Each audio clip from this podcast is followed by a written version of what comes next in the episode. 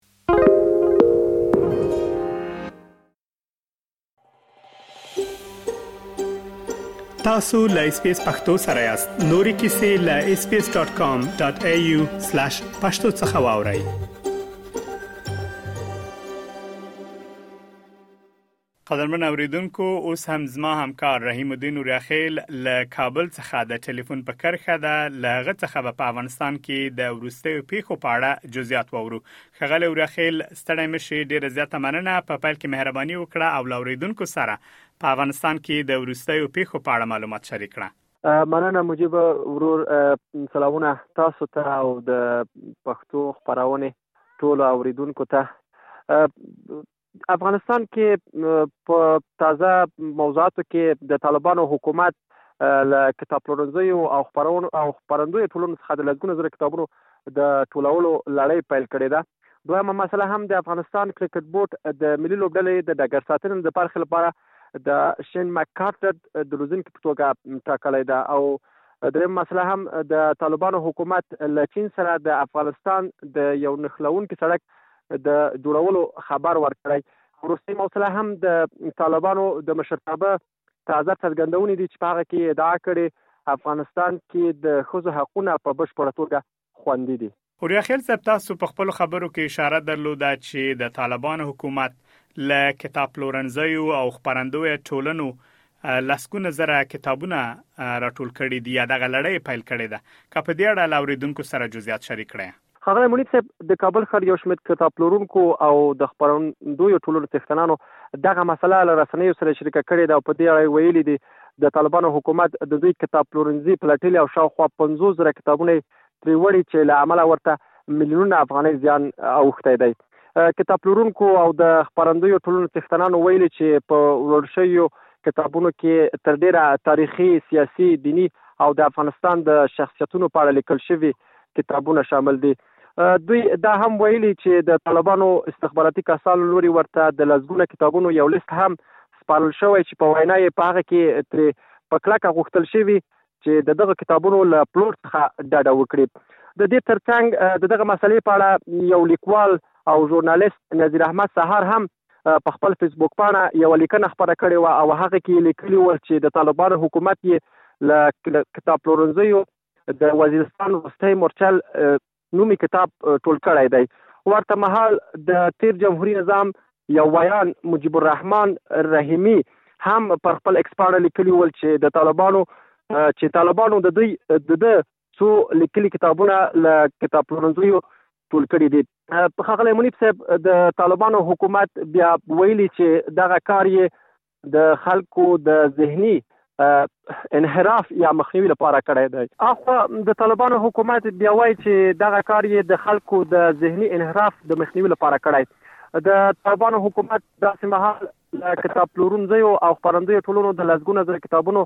د ټولولو لړۍ پیل کړې چې د دغه ډلې له بیا ځله واکمنۍ وروسته د نورو کاروبارونو تر څنګ د کتاب د پلور او خپروي بازار سوړ شوی. اورياخېل صاحب تاسو همداراز په پيل کې وويل چې د طالبانو حکومت له چين سره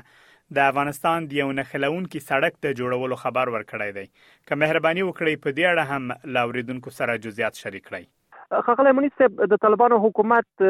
د بدخشان لپاره البته د طالبانو والی محمد ایوب خالد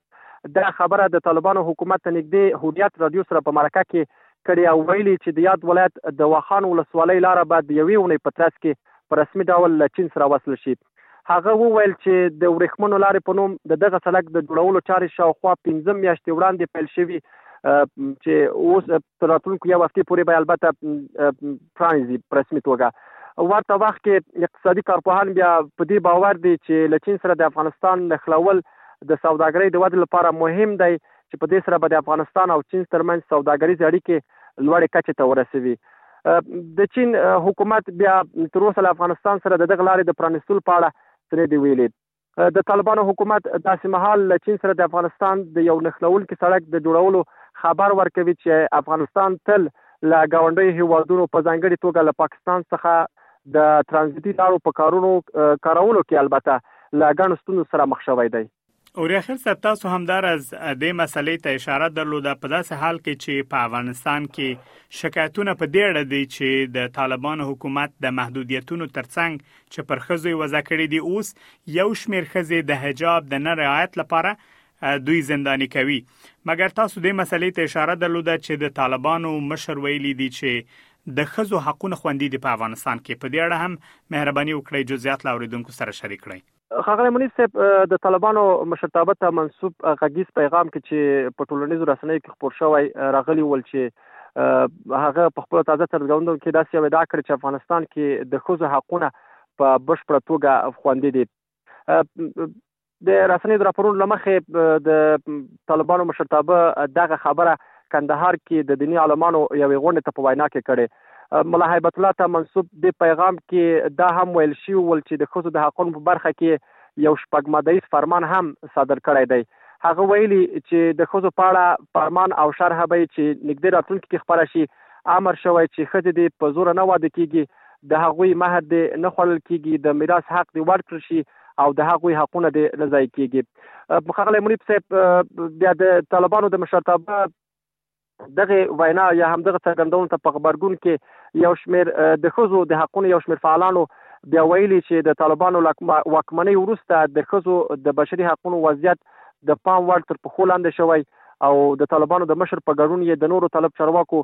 دغه ادعاوې له حقیقت لرې بللي او ویلي یې چې دوی په واکمنۍ کې ښځو ته د هغوی حقوق ورکړل شوي نه دي. البته د طالبانو مشرتابه ملا هبت الله اخندزاده داسې مهال په افغانستان کې د ښځو د حقونو د بشپړه تامین خبره کوي چې د نورو ستونزو ترڅنګ چې تاسو هم ورته اشاره درلودله